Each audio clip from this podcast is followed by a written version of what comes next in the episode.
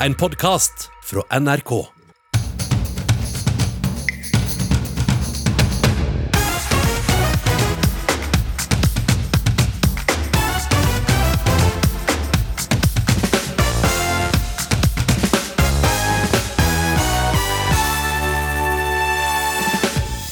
Russiske menn flykter for å slippe å delta i krigen i Ukraina. Evgenia hjelper en russer som skjuler seg i Norge.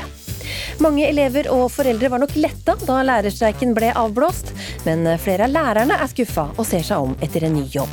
Jeg har en kollega som har levert oppsigelse underveis i streiken. Jeg har en annen nær kollega som har søkt på andre stillinger, og har en kollega som var det tirsdag kveld tvungen ble meldt om. Da booket hun time til karriereveiledning. Skinkeost, kaviar og leverpostei på boks. Franske Lorilo er sjokkert over maten vi gir barnehagebarn i Norge. Men er franske barns daglige dessert og sjokoladekjeks noe bedre, spør norsk barnehageprofessor. Velkommen til ukeslutt, hvor vi også skal stresse ned i naturen. Ah, frihet. Inspirasjon. Jeg heter Linn Beate Gabrielsen og tar deg med på dagens ukesluttutflukt i denne første høstferiehelga for mange. It's really scary to be in Russia. It's really um, not safety. So we decided to, uh, for a while at least, uh, leave this country. Det er eh, veldig skremmende å være i Russland, og det er ikke trygt, så vi bestemte oss for å forlate landet for en stund. En anonym russer fortalte hvorfor han dro til Norge i Dagsrevyen tidligere denne uka. Tusenvis av russiske menn rømmer landet for å unngå å måtte stille i Putins delvise mobilisering, altså krigen i Ukraina. Finland stengte grensa for russere med turistvisum torsdag. Den norske grensa på Storskog har langt mindre trafikk og er foreløpig åpen. Evgenia Egorova, du er norsk-russisk og medlem i Norsk-russisk forening for demokrati i Russland, Smorodina. En av disse fortvilte mennene som har rømt fra Russland over skog, Storskog, er en familiefar som du og mannen din hjelper her i Norge. Hva var det som gjorde at han følte seg utrygg i Russland nå? Ja, det er den eh, siste eh, som skjedde forrige uke, da de annonserte delvis mobilisering. Eh, det er liksom oversette til normalspråk. Vi vil at flere skal delta i denne kriminelle krigen. og altså, vi vil at, rett og slett ha flere som, som vi ønsker å sende som ja, kanonføde til, til Ukraina. Og der spiller det ingen rolle om ja, man kan eller vil, eller ja, de bare tar alle. Mm. Uh, selv om de sier at det er 300 000. Men uh, kan man stole? Det har en bevist gang på gang, at man kan ikke stole på noe som helst som kommer fra uh, denne regjeringa. Mm. Og de som eh, kommer inn i Norge forteller at det er ikke billig å ta seg ut av Russland eh, nå. Hva, hva koster det? Nei, altså det, så klart det varieres litt, men man må også huske at eh, de som har Schengen-visum, altså de kan ikke bare få det over natta, for å si det sånn. Det er masse papirene som må leveres inn, man må ha en viss økonomisikkerhet og forsikring. Så, så, men klart, de som har visum, de kommer også av og til i situasjonen der de må skrape alt. De har hadde. Og sette livet på vent, nesten, og bare komme. Men mange, det må også sies, mange bruker Norge som, uh, som inngang for å dra videre til deres venner eller slektninger i Europa. Uh, siden man har Schengen-visum, så langt man har lovlig Schengen-visum. Og så, så, lenge grensen mm. er åpen, så kan de gjøre det. Mm, men sånn som Finland da har stengt grensa for russere med turistvisum, og det er jo flere som mener at Norge bør gjøre det samme. Uh, hva tenker du om det? Uh, jeg tenker at det må være siste utvei. Uh, fordi man må også huske at én som kommer og rømmer fra den kriminelle mobilisering, og det er minus én soldat som eventuelt blir dratt inn. Uh, og, og, rett og slett uh, folk velger å ikke begå mord og ikke delta. Og der, spør meg, så er det et aktivt valg å uh, rømme fra det regimet, og de risikerer mye. Så jeg håper virkelig, og vil takke alle som hjelper russere i Norge, og spesielt der oppe i Kirkenes. Der er det vel mange som hjelper, så, så jeg tror det må være absolutt siste utvei. Mm. Og Familien til mannen som dere hjelper, er fortsatt i ja. Russland. Hva er planen for dem? Nei, altså det må også sies at uh, som sagt, noen har uh, venner de kan rømme til i Europa. Andre Uh, har venner her som kan hjelpe, så det er rett og slett en sånn slags limbo-ventesituasjon. Uh, bare for å, få, for å komme i, i på, et, på et trygt sted for å bare kunne tenke. fordi når du er i Russland, og når du har det hengende over deg, i tillegg til alle innstramminger og usikkerhet og, og aggressivitet som vokser i samfunnet, så er det veldig vanskelig å konsentrere seg hva, hva next? Eh, hva skal jeg gjøre videre med familien? Så rett og slett bruke denne anledningen til å tenke hva blir eh, neste steg, også for familien. Hvordan opplever du det da? Plutselig måtte hjelpe? Ja, nei, det, altså, For å si det sånn, livet har ikke blitt det samme etter 24.2. Uh, så det har uh, pågått en stund, men nå er det det var veldig surrealistisk å få en mail uh, eller sånn en telefon. Kan jeg komme? Og så bare ja, kom, og så er han der. Og, og, vi må begynne å tenke andre, ja, om ja, andre ting. Så det plutselig så det oppleves som veldig spesielt, men så klart. Jeg tror at for mange oppleves de siste månedene siden februar veldig, som veldig spesiell tid. Mm. Evgenia Egorova, du var her i ukeslutt sist siste vinter da Russland hadde gått angrep på Ukraina, og du unnskyldte Russland og sa at du var overraska over at det var krig. Hvordan eh, ser du på krigen nå? Ja, altså det, det er fortsatt utenkelig. Det var utenkelig at det skulle skje. Det er utenkelig at det skjer fortsatt. Og det er utenkelig, og det er farse. Det er farse som vi så i går. Det, altså, tror de virkelig at de er udødelige? Tror de virkelig på det de sier sjøl? Altså, det vi så fra Moskva i går, det er uh, surrealistisk. Mm. Anneksjonen i går. Ja, den uh, konserten og anneksjonen og nei, det, mm, mm, mm. Eh, Russland har deltatt i flere kriger, og du er bekymra for hva som skjer med soldatene når de kommer hjem fra Ukraina. Hvorfor det? Eh, med samfunnet. Eh, det vi vet, og det har vi sett uh, generelt i verdens historie, krigen gjør mye skade også i, etterkrigstid for alle parter. De som vant og de som tapte og de som kommer tilbake fra krigen, alle har delt. Også når du har vært og bidratt og vært med, med, i å drepe andre mennesker, hva venter deg i hjemmet, og hvordan skal man reagere og takle det? Det livet uten krig, eh, så er jeg bare redd hva som kommer til å skje med samfunnet. Eh, og vi vet fra før av at eh, både etter Afghan-krigen og Tsjetsjen-krigen så var det veldig lite hjelp å få.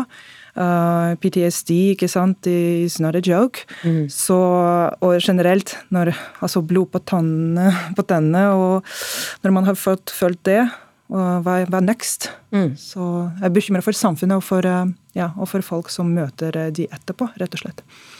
Tusen takk skal du ha, Evgenia Egorova.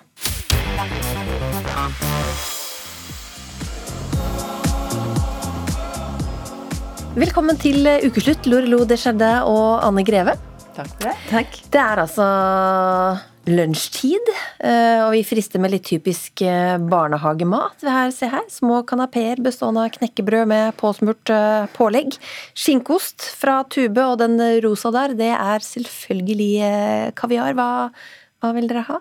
Lurelo, vær så god. Jeg har utviklet en sånn, en sånn Jeg har begynt å like kaviar.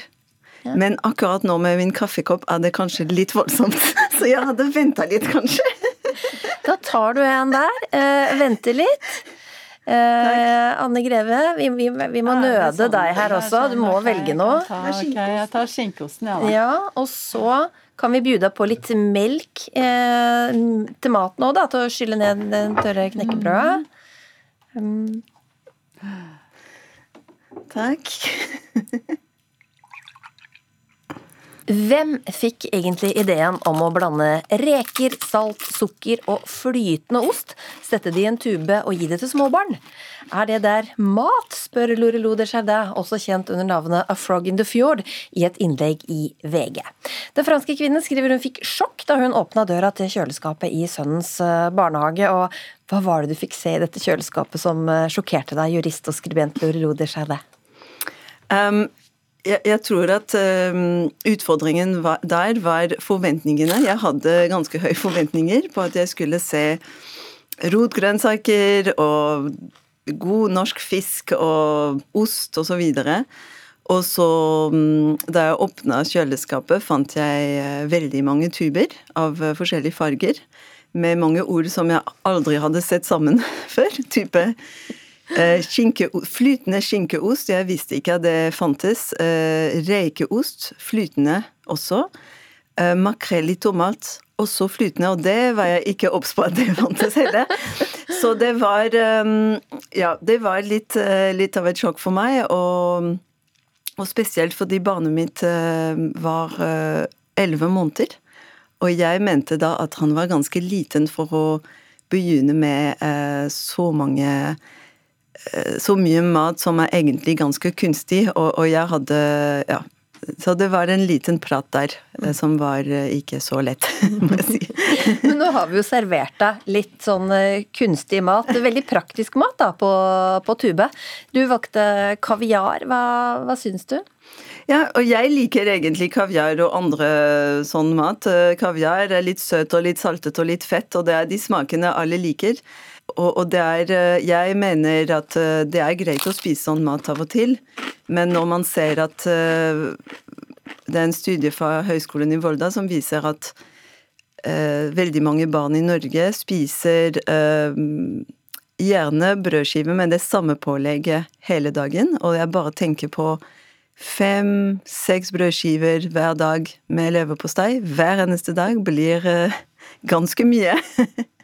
ja, så det er sånn mengden, tenker jeg. Anne Greve, du er professor i barnehagepedagogikk barnehagepedagogikk ved Universitetet Oslo OsloMet. Hvordan smakte skinkosten på knekkebrødet? Jo, jeg syns jo skinkost er godt, jeg. sånn at det er ikke noe stort problem. Men jeg vil jo gjerne si at uh, det er, ikke dette, det er ikke denne maten som jeg tenker er representativ for norske barnehager. Jeg kjenner ikke til den barnehageundersøkelsen du henviser til fra Volda. Mm. Men jeg, jeg, jeg syns jo det er fint at du reagerer på dette og, og drar opp et poeng som altså Jeg har jo studert eh, matpraksiser i norske og franske barnehager, og det er jo to helt forskjellige verdener. I Frankrike så har dere Eh, egne kokkeutdannede folk som kan ernæring, som setter sammen menyer og, og lager mat. Der er det riktignok i, i kantiner, så der er jo ikke pedagogisk personale med i det hele tatt. I Norge hadde vi i gamle dager Jeg, jeg jobbet jo i barnehage på 1980-tallet. Der hadde vi kjøkkenhjelp. sånn at der hadde vi jo i mye større grad mulighet til å lage variert mat. Nå er de aller fleste barnehagene har ikke lenger kjøkkenhjelp. Det er noen som har det, heldige heldiggriser. Men uh, mange barnehager nå har ikke egen kjøkkenhjelp. Og da er man nødt til, tenker jeg, da syns jeg det er viktigere eh, at personalet har anledning til å være til stede sammen med barna, enn å stå på kjøkkenet og sette sammen eh, flotte flere, rett, flere retter. Men min erfaring fra de barnehagene jeg har vært i, Eh, både jobbet i selv og, og, vært som forsker, er at det er mye råvarer. Det er agurk, tomat, paprika, salat, det er mye frukt. Det er eh, det jeg vil kalle som et godt eh, norsk sammensatt måltid med grovt brød og variert mat. Mm. Sånn at jeg, jeg syns det er litt urettferdig å bare ta noen tørre knekkebrødskiver med kaviar og, og skinkeost på, for det er ikke det jeg kjenner igjen fra barnehagen i Norge. Nei, men, altså. men, hjelper det at det er litt agurk og frukt uh, i tillegg? Ja, det, det, skader ikke at det er litt agurk eh, og, og, tomater, Eh, men det er den Jeg bare ser at det er mye ferdigmat i Norge generelt, og jeg syns, eller det er det jeg skrev også i den kronikken, at, at barn fortjener litt bedre mat. Og det, vi vet det, eh, de som har barn vet at det er ikke bare fordi du, du gir en agurk til et barn at han eller hun skal spise det. Det er, eh, det er en kontekst, Å, å spise tar tid. Og det tar tid å introdusere nye råvarer, og man må prøve flere ganger. Og, eh, så det er og når du sier at barnehageansatte bør ha fokus på pedagogikk, og jeg, jeg er helt enig med det, men spørsmålet er må vi velge? Greve, eh, hva sa de franske barnehageansatte da, da de fikk høre om den norske barnehagematen? Nå var ikke vi ute etter å finne hva som var best, eller hvem som var den beste matpraksisen. Men eh, det er tydelig at det er veldig ulike oppfatninger om hva som er sunt også. Det franske personalet ble veldig sjokkert da de så nettopp at norske barn, barn drakk melk. Og, og, der var det jo risikoen for å få for å først bli, bli overvektig, og også få hjerte- og karsykdommer de var faktisk veldig oppsiktsvekkende veldig opptatt av det. Men du skriver jo at franske barn de får sjokolade og kjeks mens de venter på middagen hjemme. Ja, er det så sunt? Og, og de, de, får det, og det er ikke bare det. Jeg husker som barn, eller jeg husker ikke som barnehagebarn, det var for lenge siden, men jeg husker som barn at vi hadde treretters uh, lunsj hver dag, og det var en liten dessert der. Så det var ikke nødvendigvis mye sånn sjokoladekake, det var gjerne en yoghurt. Men det er sant at uh, franskmenn ender nesten hver måltid med litt, noe litt søtt, og det er ikke sunt. Uh, absolutt ikke. Og, Hva sier og, du til det, Greve? Ja, nei, det, det. Nei, det var jo det de norske barnehagelærerne reagerte på da, da, de, da de så den franske praksisen. Det var dette med sukker.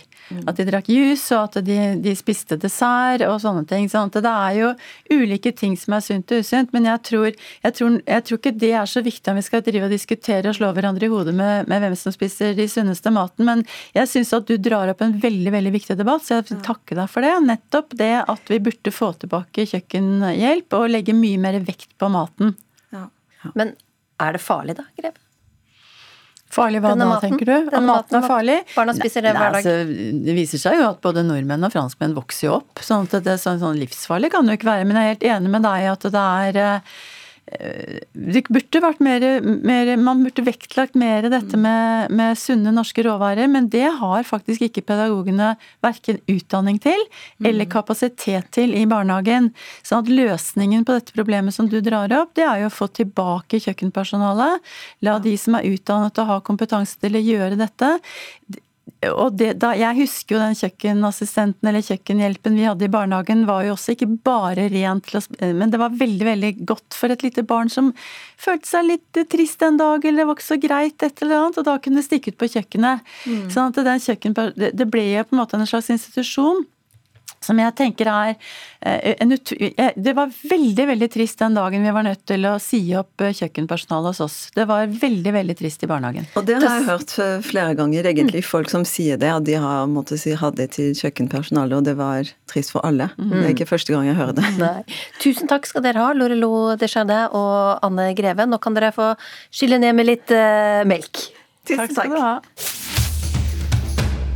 Denne uka retta verdens øyne seg mot eh, havbunnen i Østersjøen, der det ble oppdaga flere lekkasjer fra gassrørledningene Nord Stream 1 og 2. Alt tyder på at noen har eh, sabotert gassrørledningene med vilje.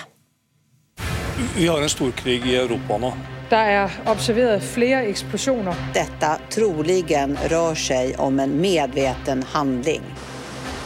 Det er en uoversiktlig situasjon. Eh, man arbeider jo nå da med å prøve å få stanset, eller finne ut hvordan man kan stanse lekkasjen. Altså, vi har i dag eh, fra regjeringens side iverksatt uh, forsterka beredskap. Jeg forstår at mange nordmenn blir urolige når noe slikt skjer. Dette er en situasjon som regjeringen tar på det aller største alvor. Norsk gassforsyning er sannsynligvis det største og mest strategisk viktige sabotasjemålet i hele Europa akkurat nå. Jeg tenker nå liksom på om det kan være et potensielt terrormål. da. Kan det, kan det være sånn at russerne kommer hit?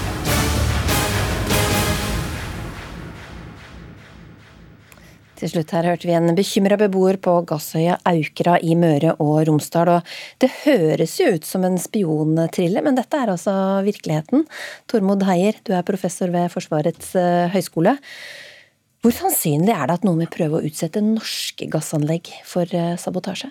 Ja, Det er eh, ikke usannsynlig, og det er jo fordi at eh, hvis det er eh, f.eks. Russland som står bak disse sabotasjeaksjonene vi har sett så langt da, i Østersjøen, så er det jo gjerne sånn at eh, de ønsker å påtvinge oss i Vesten eh, en vilje vi egentlig ikke vil ha. Eh, og jo vanskeligere det er for Putin å få tvunget gjennom sin vilje overfor oss, så øker sannsynligheten på de virkemidlene som Europa er veldig avhengig av. Og Det vi har da sett de siste ukene, er jo rett og slett at Norge har blitt stadig viktigere og viktigere som energileverandør til Europa. Og da øker også betydningen, den strategiske betydningen av den norske gassen til eh, Europa som et eh, mulig virkemiddel som eh, Putin-regimet kan ta i bruk hvis han måtte ønske å stramme skruen ytterligere mot Vesten. Mm. Vi har sett bilder av Putin i ei dykkerklokke på vei ned i havet. og Man får jo litt sånn James Bond-skurkvibber av, av det bildet. Men Hva vet vi egentlig om hvem som kan ha stått bak eh, det som mest sannsynlig er sabotasje, da? Nei, Vi vet jo ikke helt sikkert hvem som har stått bak, annet enn at for å kunne gjennomføre denne type sabotasjeaksjoner, så krever det nok mer kompetanse og mer ressurser enn hva si, en vanlig liten småstat eller en ikke-statlig aktør, en terrororganisasjon eller noe annet, vil ha eh, ressurser til. Slik at eh, da må vi bare se rundt oss i verden. Hvem er det som vil ha størst interesse av å gjøre noe sånt noe for å øke eh, påvirkningseffekten på en motstander som de ønsker skal gjøre noe annet. Mm. Og nå, Vi vet jo ikke om det er eh, russerne, og de, de, tilbakeviser jo det på det sterkeste. Men hvis vi skal spekulere litt, da, hva kan de oppnå med sabotasje her? Nei, Hensikten er nok eh, først og fremst todelt. Én ting er nok å øke energiprisene. Det vil også virkes veldig belastende på eh, de vestlige samfunnene som trenger denne gassen. Og det andre, og kanskje det aller, aller viktigste, det er nok at dette vil bidra til å skape engstelse og bekymring og uro i den vestlige befolkningen, som nettopp trenger denne gassen etter hvert som vinteren nærmer seg eh, døren. Og det betyr at det politiske presset i beslutningsprosesser i ulike regjeringer i Vest-Europa som trenger denne gassen, det presset vil jo øke også mye mer dramatisk. og eh, hvis man da ser for seg at eh, det blir en form for enda mer Eh, energimangel eh, utover vinteren, som kan kanskje føre til permitteringer av masse industri og arbeidsplasser, som kan føre til mer arbeidsløshet, som igjen vil generere kanskje litt sosial uro, så vil på mange måter den politiske styringsevnen i denne vestlige blokken som står eh, fast mot Putin i Ukraina-krigen, den vil kanskje da risikere å sprekke. Og det er jo det som sett med russiske øyne kanskje er det mest sårbare punktet i, i den vestlige motstanden. Ja, det gjelder å splitte oss, rett og slett. Ja, og spesielt kanskje Italia, Frankrike og, eh, og, Tyskland er vel de som kanskje vil kanskje være mest eksponert for dette. her. Sånn, sånn sett så inngår denne formen for press mot Vesten som en del av et bredere, ofte russisk virkemiddelapparat, hvor man har en rekke ulike både militære og ikke-militære virkemidler som man spiller på. Noen av politisk karakter, andre av militær karakter. og de, de ødelegger litt den der klargjørende gråsonen mellom hva som er fred, og hva som er krig, og hva som er krise. Eh, hvem som er venn og hvem som er fiende, og hva som er lov og ikke lov å bruke. Og det er, der, det er der vi er nå. Vi er litt sånn usikre. Han har jo skapt usikkerhet. Hva er det som egentlig skjer? Og Hvis du føler at dette minner om noe du har sett på TV, så tenker du kanskje på TV-serien Okkupert, hvor nettopp russerne sto bak sabotasje på norske gassanlegg. Bare hør her. Kapasiteten til dette ene gasskraftverket kan varme opp 3,3 millioner tyske husholdninger i året. Og vi skal vise at vi kan yte minst like mye som under russernes ledelse.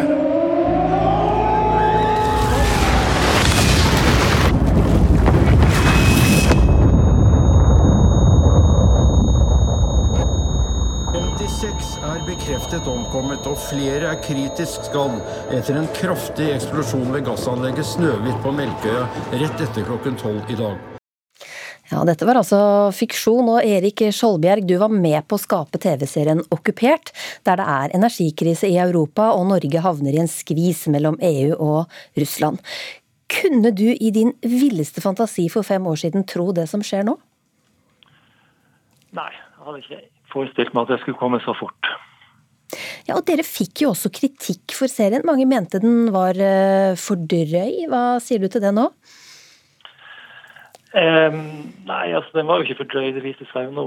Men uh, det var ikke vårt utgangspunkt å, å, skape virkelighet. Vårt utgangspunkt var jo for så vidt å, å se på hva ville skje hvis noen prøvde å angripe vårt levesett. Russerne var provosert over framstillinga dere hadde av, av, dem den eh, gangen. Hva vil du si, er de, er de bedre eller verre enn i serien? Altså Det som var viktig for oss, det var jo å trekke et skille mellom russiske folk og russiske styresmakter i serien, da, som er jo en fiksjon. Um, styresmaktene er vel omtrent som, som, vi fremstilte dem. Jeg tror det var en veldig realistisk fremstilling, det vi ga. Mm. Eh, hvordan er det da å følge med på det som, eh, som, som skjer nå? Er det, er det som du kunne forestilt deg det? Ja, altså Vi satt jo som en sånn gruppe med forfattere og hadde noen sånne veldig skarpe skuespillere som også hjalp oss med dette. Og så gjorde vi mye research, og så prøvde vi å forestille oss eh, hvordan man skulle tenke hvis man skulle svekke vår tro på vårt eget samfunn. Da. Eh, og Det var jo liksom en øvelse som vi gjorde. Og den, eh, må, og for, å, for, å, forstå hva som skjer nå, så må man også forstå litt hva det er slags tankesett som eksisterer i Russland hos eh, Putins regime. Han kommer jo via en sånn etterretningsbakgrunn. Og Der er jo tanken at du skal kunne eh, på et eller annet vis angripe vår frie vilje, og kanskje til syvende og sist klare å få oss, sånn som vi tenkte det da, til å velge noen som ligner han. Mm. Tormod eh, Heier, vi har altså omtrent 900 eh, km med gassrør fra Norge til eh, Europa. Hvordan beskytter Norge nå disse? Nei, Det er ikke lett å beskytte så mange hundre kilometer med gassledninger på havets bunn. Det er nærmest umulig. Så jeg tror norske myndigheter er veldig opptatt av å øke årvåkenheten rundt oljeboringsplattformene og rundt disse ilandføringsanleggene hvor det er gass, og alt sånt som har med samfunnskritisk infrastruktur Og de vil sikkert også øke eh, årvåkenheten på internett eh, når de har kontroll, for å ha kontroll med styringssystemene av disse gassleveransene. Og så vil man antagelig prøve å få til litt mer synlighet og tilstedeværelse ute på sjøen og i luften rundt. Men områdene er så store, og det er så mange kilometer med gassrørledninger at man kan kanskje forvente at allierte vil også komme og bistå. Eh, og samtidig som sivilsamfunnet med olje- og gassnæringen der vil eh, kunne også støtte opp med å drive en bedre overvåking og kartlegging eh, av mulige årsaker. Men dette er jo noe som har vært påpekt i mange år, og det er dessverre slik at ofte må det en slags krise til før myndighetene virkelig reagerer. Tusen takk skal dere ha, Erik Skjoldberg og Tormod Heier fra Forsvarets høgskole.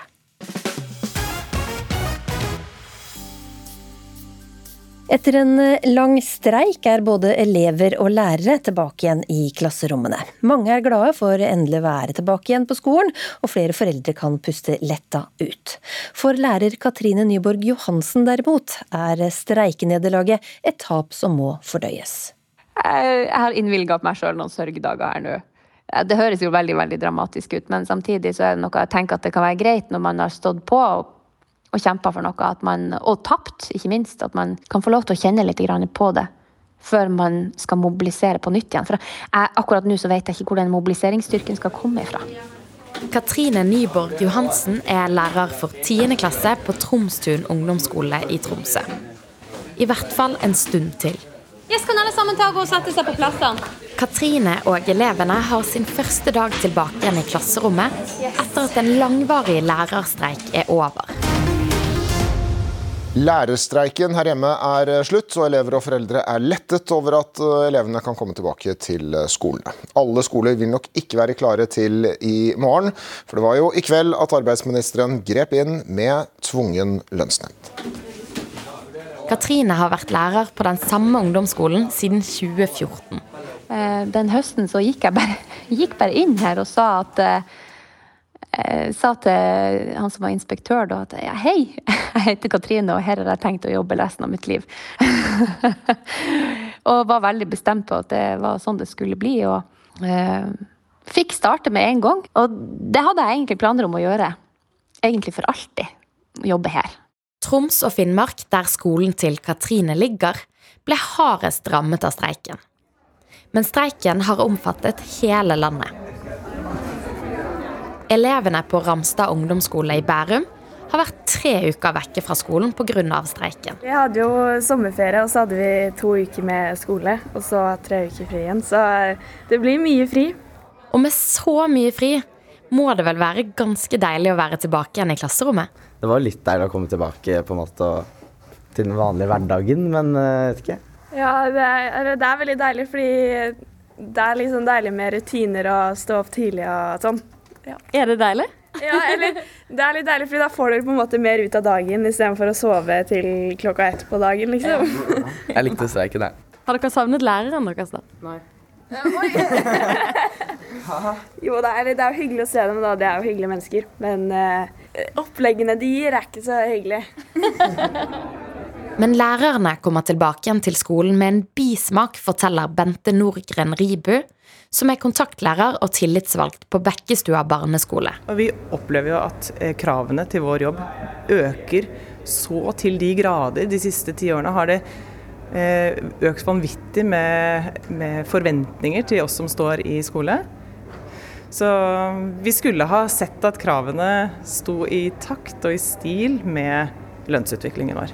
Og noen ser rett og slett ikke noen grunn til å fortsette.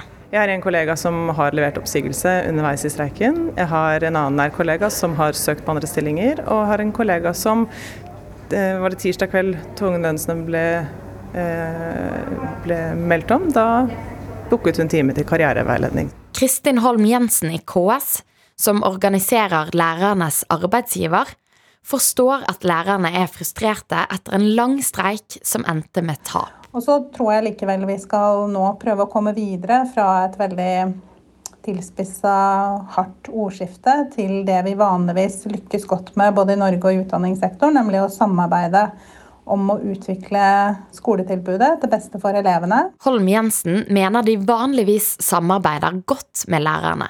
Og vi vet at vi er avhengig av lærerutdannede lærere og kvalifiserte lærere for å få til det, og vi vil gjerne samarbeide videre med utdanningsorganisasjonene om hvordan vi kan gjøre arbeidssituasjonen bedre for lærerne. Og det lykkes vi vanligvis godt med.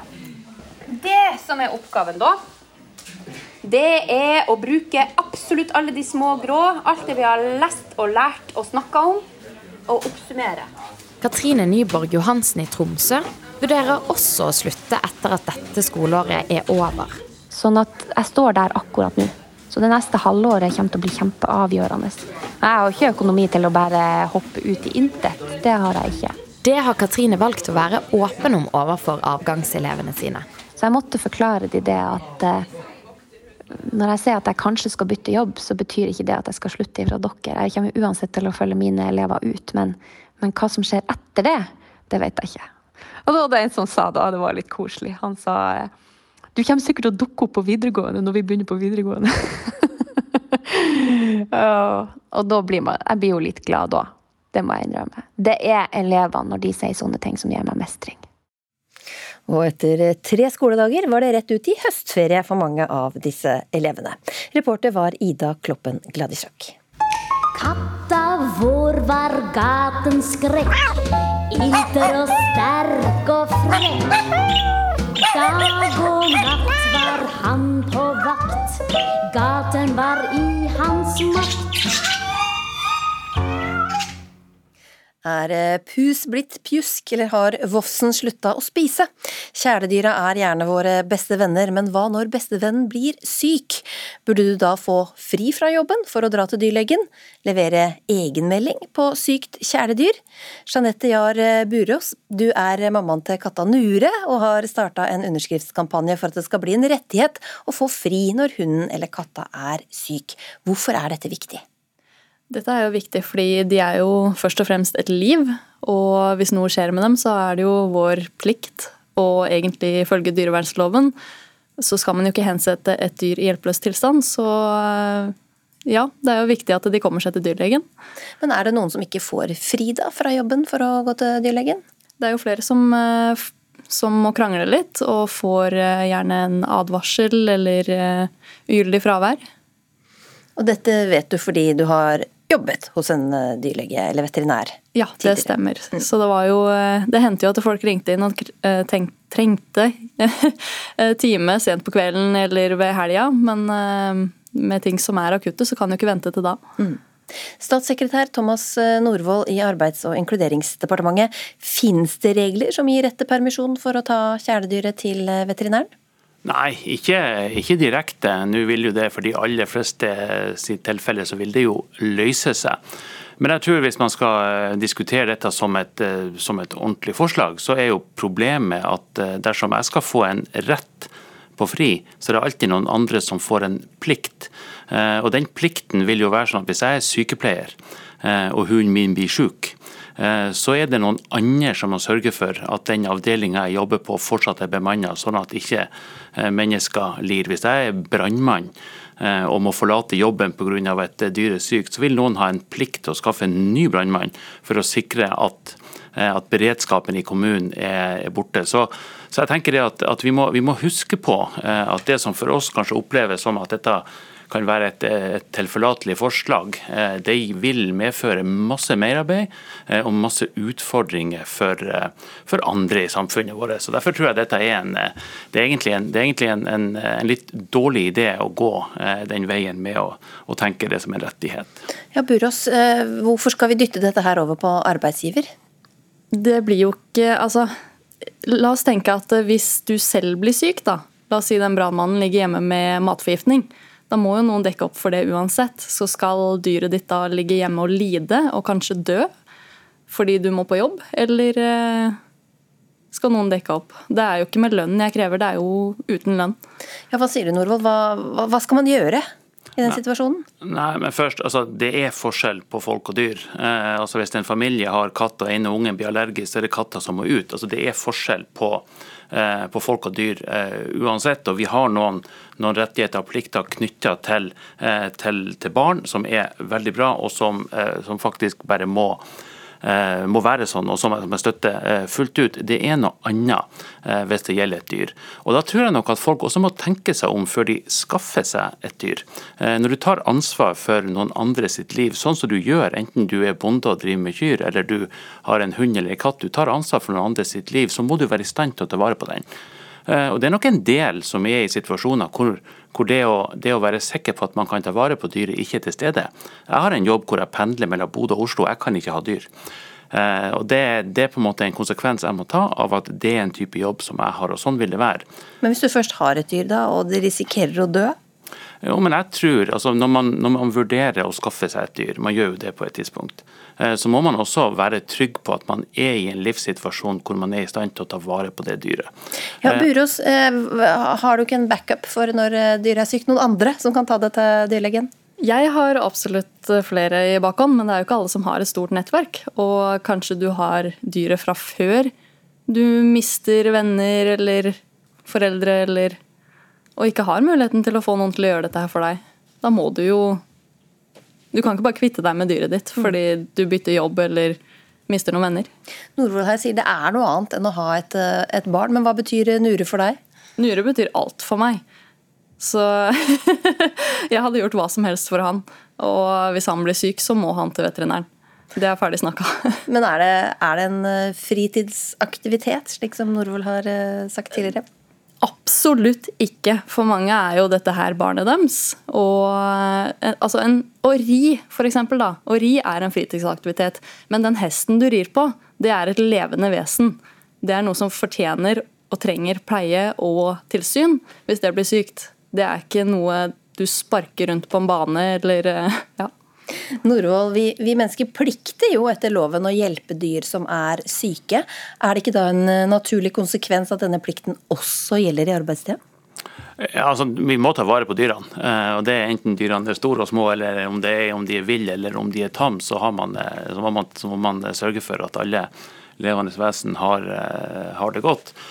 Men, men, det blir noe spesielt når, man, når man hevder at vi må ha en rett til å kunne si til hvordan som helst arbeidsgiver at nå forlater jeg jobben, du må sørge for eh, at noen andre stepper inn for meg. men, men, hvis man ikke har venner og ikke har familie, skal man heller ikke få lov å ha dyr da? Det kan jo bli veldig ensomt? Ja, men nå tror jeg man tegner et bilde av eh, altså en veldig spesiell situasjon. For da skal man altså for det første ikke ha venner, ikke ha familie, og man skal ha en type jobb som gjør at man eh, ikke har muligheten til å ta vare på, på, dyret. Så jeg tror vi er på et ganske sånn marginalt problem der, egentlig.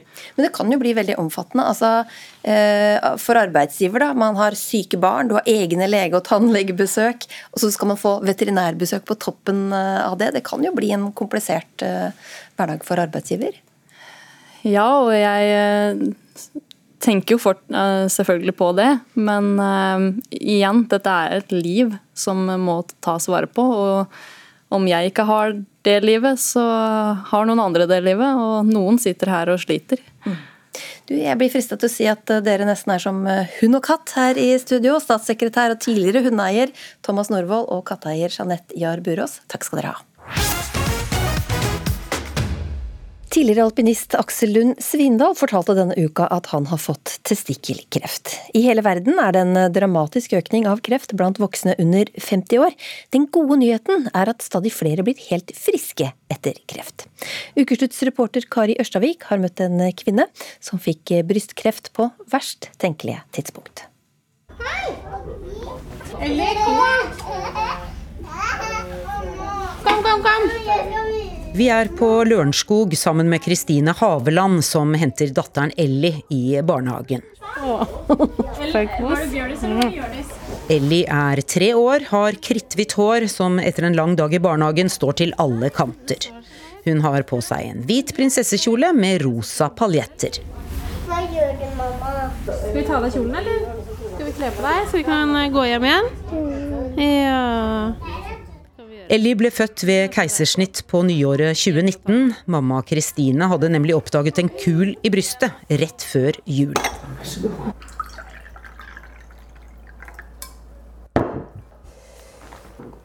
Vi er hjemme hos Kristine Haveland, som forteller om telefonen hun fikk etter at kulen var undersøkt. Hun jeg snakket med var utrolig søt og hyggelig, men hun sa at de gjerne ville ha meg inn og snakke med meg, og at jeg de helst ville at jeg tok meg en person. Og da skjønte jeg jo at det ikke nødvendigvis var veldig gode nyheter jeg skulle få. Høygravide Kristine ble etter dette en av alle de nye krefttilfellene blant voksne under 50 år. Og ifølge forskerne blir situasjonen bare verre og verre for hver generasjon. Forskerne går så langt som å kalle det en epidemi. Vi er jo bekymra for økning i krefttallet blant de yngre pasientene, eller yngre befolkninga. Så klart.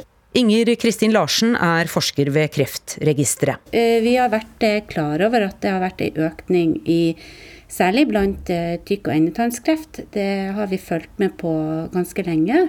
Men hvorfor er det blitt mer kreft blant yngre? Det er det ikke like enkelt å fastslå. Det man vet er at alkohol, rødt kjøtt og fedme øker risikoen for noen typer kreft.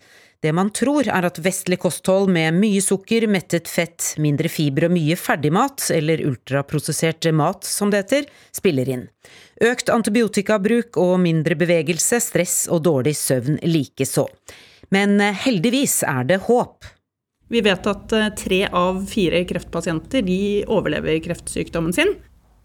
Molekylærbiolog ved Kreftforeningen Sigrid Bratli sier at kreftvaksiner, immunterapi og framskreden forskning gjør at flere og flere blir friske.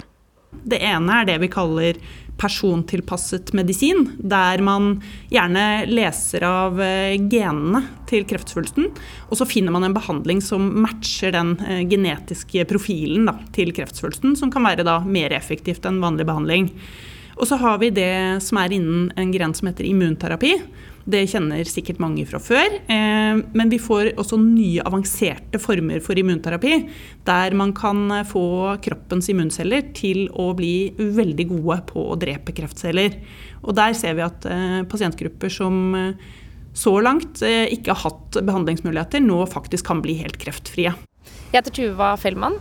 På et lite torg møter jeg Tuva før hun skal på jobb. Sommeren 2021 fikk hun påvist forstadium til brystkreft i det ene brystet. Det satte en kraftig støkk i henne. I det ordet eh, kreft, uavhengig om det er eh, kreft eller forstadier til kreft, eller bare, liksom, bare, bare det er inni en setning, så, så, gir det en eller annen sånn, det gir et sånn stikk i magen hos meg, og jeg tror jeg gjør hos ganske mange også. Tuva er en profilert programleder på TV og radio, og kanskje nettopp derfor valgte hun å vente litt til etter operasjonen før hun gikk ut offentlig og fortalte om diagnosen hun hadde fått. Og da gjorde hun det på samme måte som Aksel Lund Svindal har gjort det denne uka. Jeg la det ut på Instagram, um, egentlig med bare et bilde og en tekst. Og så tror jeg jeg skrudde av telefonen. Men på et tidspunkt skrudde du vel på igjen? Det gjorde jeg.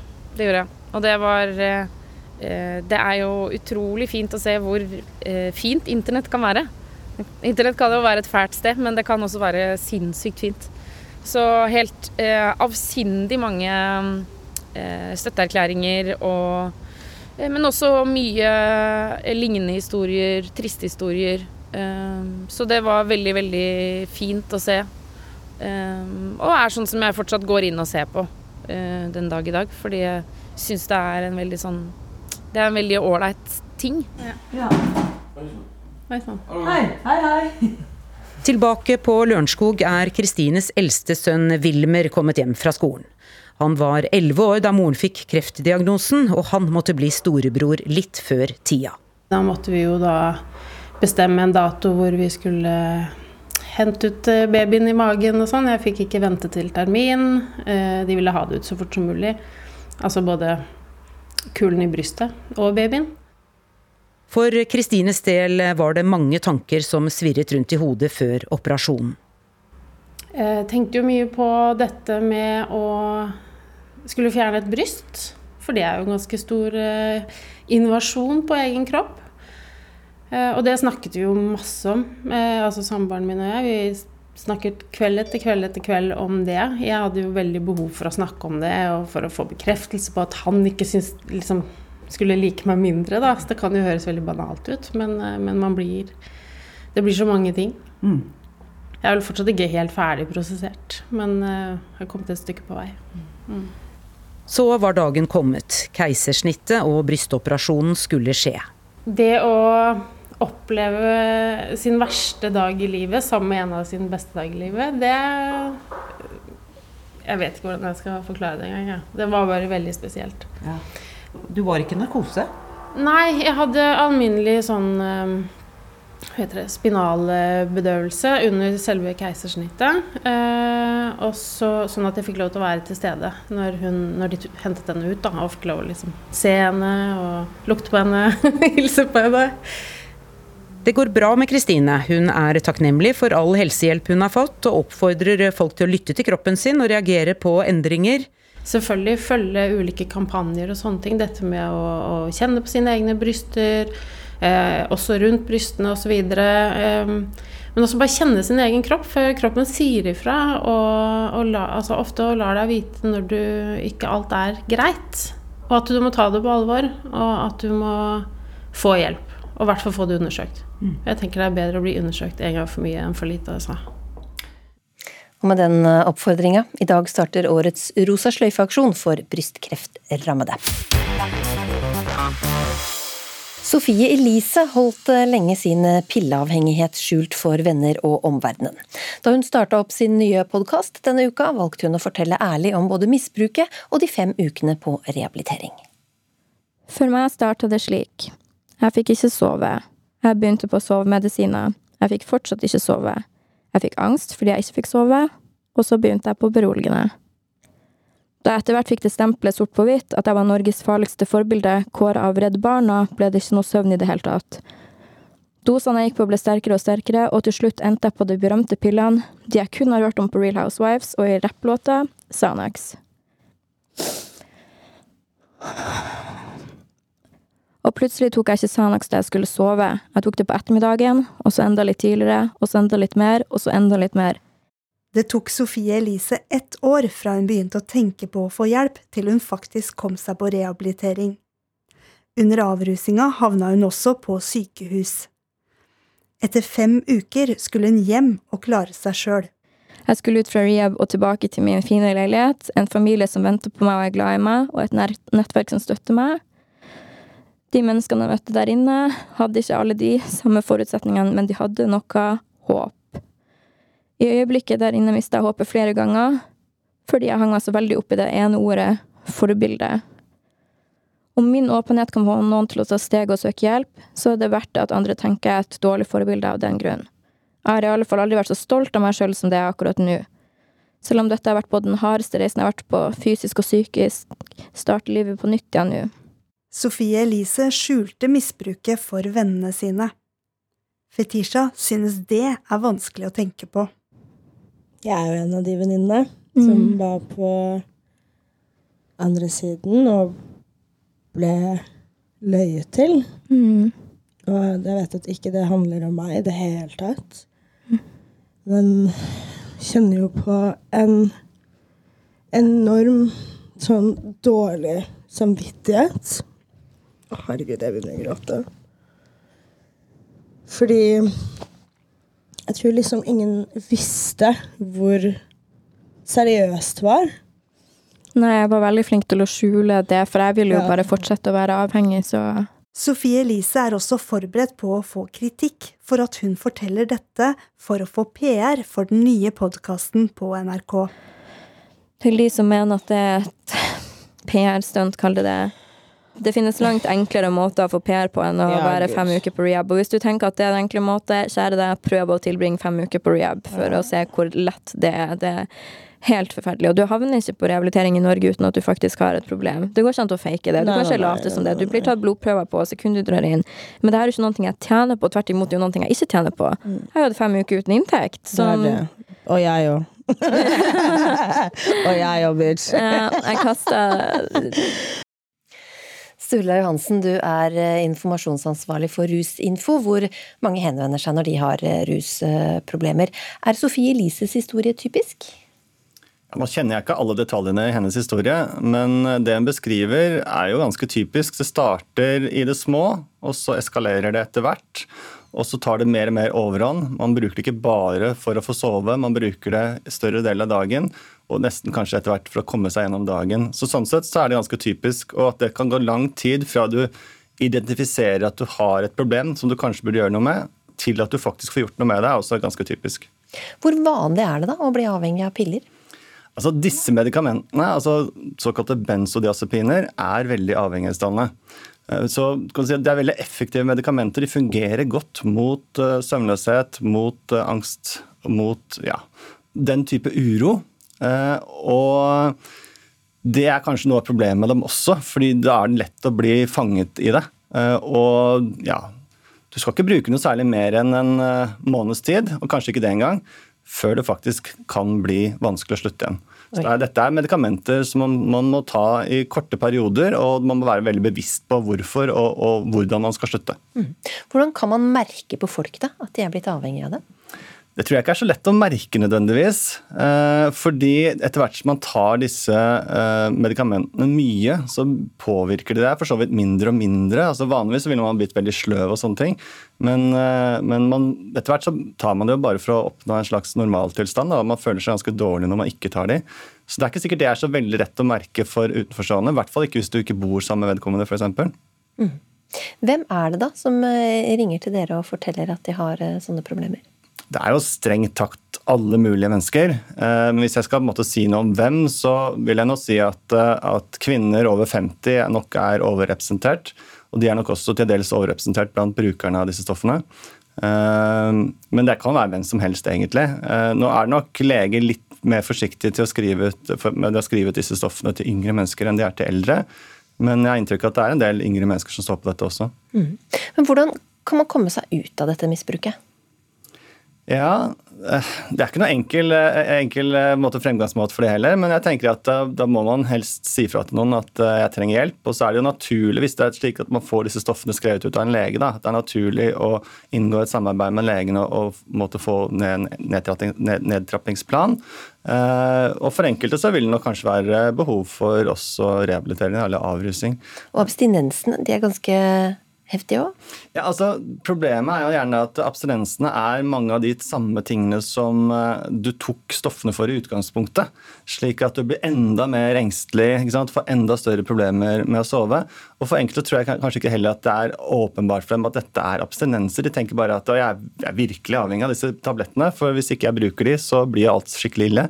Og at man kanskje egentlig har det veldig mye bedre uten. da. Men eh, det er viktig med, med nedtrapping, rett og slett fordi at eh, hvis du går veldig brått av, så får du veldig voldsomme abstinenser, slik at eh, man kan prøve å minimere ubehaget ved å ha en nedtrapping.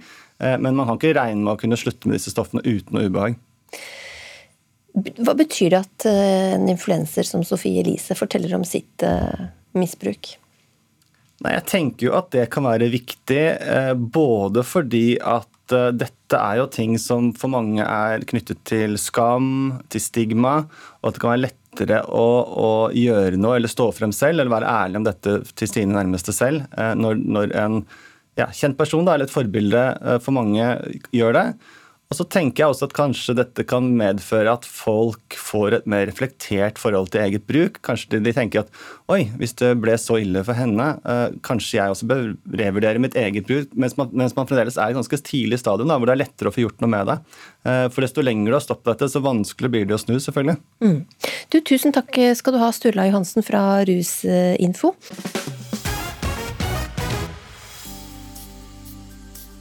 Senker du skuldrene og stresser ned når du er ute i naturen? Forskere som har studert hjernen, konkluderer nå med at ja, man blir mindre stressa av å være i naturen. Reporter Magnus Bratten møtte mange avslappede turgåere ved Sognsvann i Oslo. Hva gjør naturen med deg? Ah, frihet. Inspirasjon. Åh, det er helt uh, nødvendig. Jeg er ute hver dag når jeg har fri. Hva er det som uh, Nei, Luktene og, og Ja, bare å være ute i naturen. Ja. Hva gjør det med deg, da? Nei, jeg blir glad. Nei, det er liksom ro, roen, da. Så liksom pen natur og Så det er, det er kun det, faktisk. Komme vekk ifra alt maset. Ja, hva er du stressa? Nei, når jeg er pensjonist, så er jeg ikke stressa, men det er alltid noe å gjøre hjemme. ikke sant? Du får ikke sitte rolig og se på TV-en. Du må liksom ut. Den gjør at jeg slapper av og kobler av. På hvilken måte da? Man får tankene bort på noe annet og kobler av, og så jobber stresset i bakgrunnen, og så er man klar til å ta fatt igjen etterpå. Her var det mange fornøyde turgåere på Sognsvann. Og Helge, Helga Synnevåg Løvold, du er professor i friluftsliv ved Høgskolen i Volda. Kan du beskrive hva som skjer med oss når vi er ute i naturen? Ja, når, når, vi er ute, så blir vi oppmerksom på vind i trærne, rasling i bladene. Det kan være vind i ansiktet, det kan være altså, værforandringer. Det kan være, det kan være de små detaljene altså, som, som, vi jo ikke tenker over til vanlig. Men det, det, skjer, det skjer uten at vi tenker på det. Og når vi får disse inntrykkene og opplevelsene, så er det sånn at det setter vår tankevirksomhet på pause. Altså, vi har jo en tendens til å tenke på ting som skal skje i framtiden, eller ting som har skjedd. Men når vi er i naturen, så tar det som skjer i naturen, det tar vår oppmerksomhet. Og dermed så, så får vi liksom Vi får en pause fra det, og vi får også en mulighet til å fylle oss opp med, med positive følelser. For det å, det å ha sterke sanseopplevelser, f.eks., og det, det, å bli oppmerksom på ting som skjer, kan gi oss positive følelser. Så det er et sånt direkte påfyll av energi som skjer i de øyeblikkene der. Høstferien som begynner en del steder i landet nå, det er jo høysesong for natur- og turopplevelser i ulike former. Du har forska på grupper som er på tur eh, sammen. Hva, hva skjer med oss da? Når vi er eh, sammen over lengre tid i natur, eh, så er det noe med at eh, vi har en felles naturerfaring sammen. Altså vi, vi får en type innlevelse i natur. Og i kombinasjon med at vi er en gruppe sammen, så er det en del spennende ting som skjer. Altså vi blir rett og slett mer oppmerksomme på hverandre, omsorgsfulle for hverandre. Eh, og kanskje er det sånn at man også blir litt flinkere til å akseptere tingene sånn som de er. Så vi, vi får en, en, det er en endring på en måte i, i, de vanlige hverdagslige situasjonene til det å være denne, denne gruppen eh, som er sammen på tur. Og i forskningen så har vi også sett på det at disse prosessene det de styrker rett og slett flere av disse flere av disse faktorene som er viktige for vår livskvalitet. Altså. Um, altså både det med det styrkende sosiale fellesskapet og det, det, å oppleve mening i dette naturmøtet sammen. Men hvor ofte bør vi være ute i naturen da for å få en eh, god effekt? Ja, altså disse forskerne som ble presentert først her, de mener jo det at uh, bare nærværet av natur i seg selv har en, har en stressreduserende effekt. Uh, så, så det, er, det, er, nok antageligvis noe som ligger dypt inni oss biologisk som, uh, som peker på dette her, men, men, men ja, så hvis vi kan på en måte fylle livene våre med mest mulig natur, så er det bra. Men det å på en måte ha et, ha et nærmiljø som man kan eh, raskt komme seg ut i, det, det hjelper jo veldig. Men skal man på en måte virkelig sette hverdagen på, på en type lengre pause, så, så, er det spennende å se også hva som skjer eh, på lengre turer, f.eks. overnattingsturer. Da får man jo virkelig parkert hverdagen, og så kommer man kanskje litt sånn tettere på, på seg sjøl.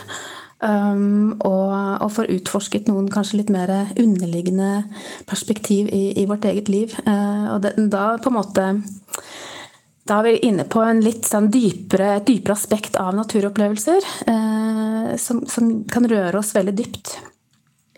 Men eh, hva med de som ikke liker å være i naturen? Kan det læres opp? Ja, Uh, alt kan læres. Altså, jeg tenker at uh, bare det nærværet i natur, altså det trenger ikke å være noe aktivitet, nærværet, bare være et fint sted, har jo mange av disse kvalitetene med, med, med oppmerksomheten. Altså vi, vi, blir uh, Vi får et påfyll av, av, å legge merke til detaljene rundt oss. Eh, men så, er det ofte sånn at eh, Eller mange tenker at det å være på tur har noen sånne prestasjonselement, at man skal gå langt eller fort eller sånne ting. Men det trenger ikke å ha noe med det å gjøre. Altså, altså det, dette med stressreduksjon i denne sammenheng handler rett og slett bare om å, å, å være, finne et fint sted. Og, og, det kan man begynne med når som helst i livet. Kanskje, kanskje ta med en, en, termos med noe godt å drikke, og så finne et fint sted og bare ta et måltid ute. Kan jo være en sånn fin start lave ambisjoner for å komme seg, seg, ut. Så føler man seg stressa, så er altså rådet kom deg ut i naturen. Og takk skal du ha, professor Helga Synnevåg eh, Løvold. Hun som har passet på at alt gikk rett for seg i dag, det var eh, Kari Li. Teknikken den har eh, Vegard Erstad holdt eh, god kontroll på, og turfølget her i studio det har vært meg, Linn Beate Gabrielsen. Så takk for, for at du hørte på oss i dag. Har du ikke fått med deg begge de to siste timene med Ukeslutt, så kan du faktisk høre resten når du vil og hvor du vil, enten som podkast eller i NRKs nettspiller, som du finner på nrk.no. Her i P1 får du fortsatt godt selskap utover lørdagen. På gjenhør. Du har hørt en podkast fra NRK. Du kan nå høre flere episoder av denne serien i appen NRK Radio.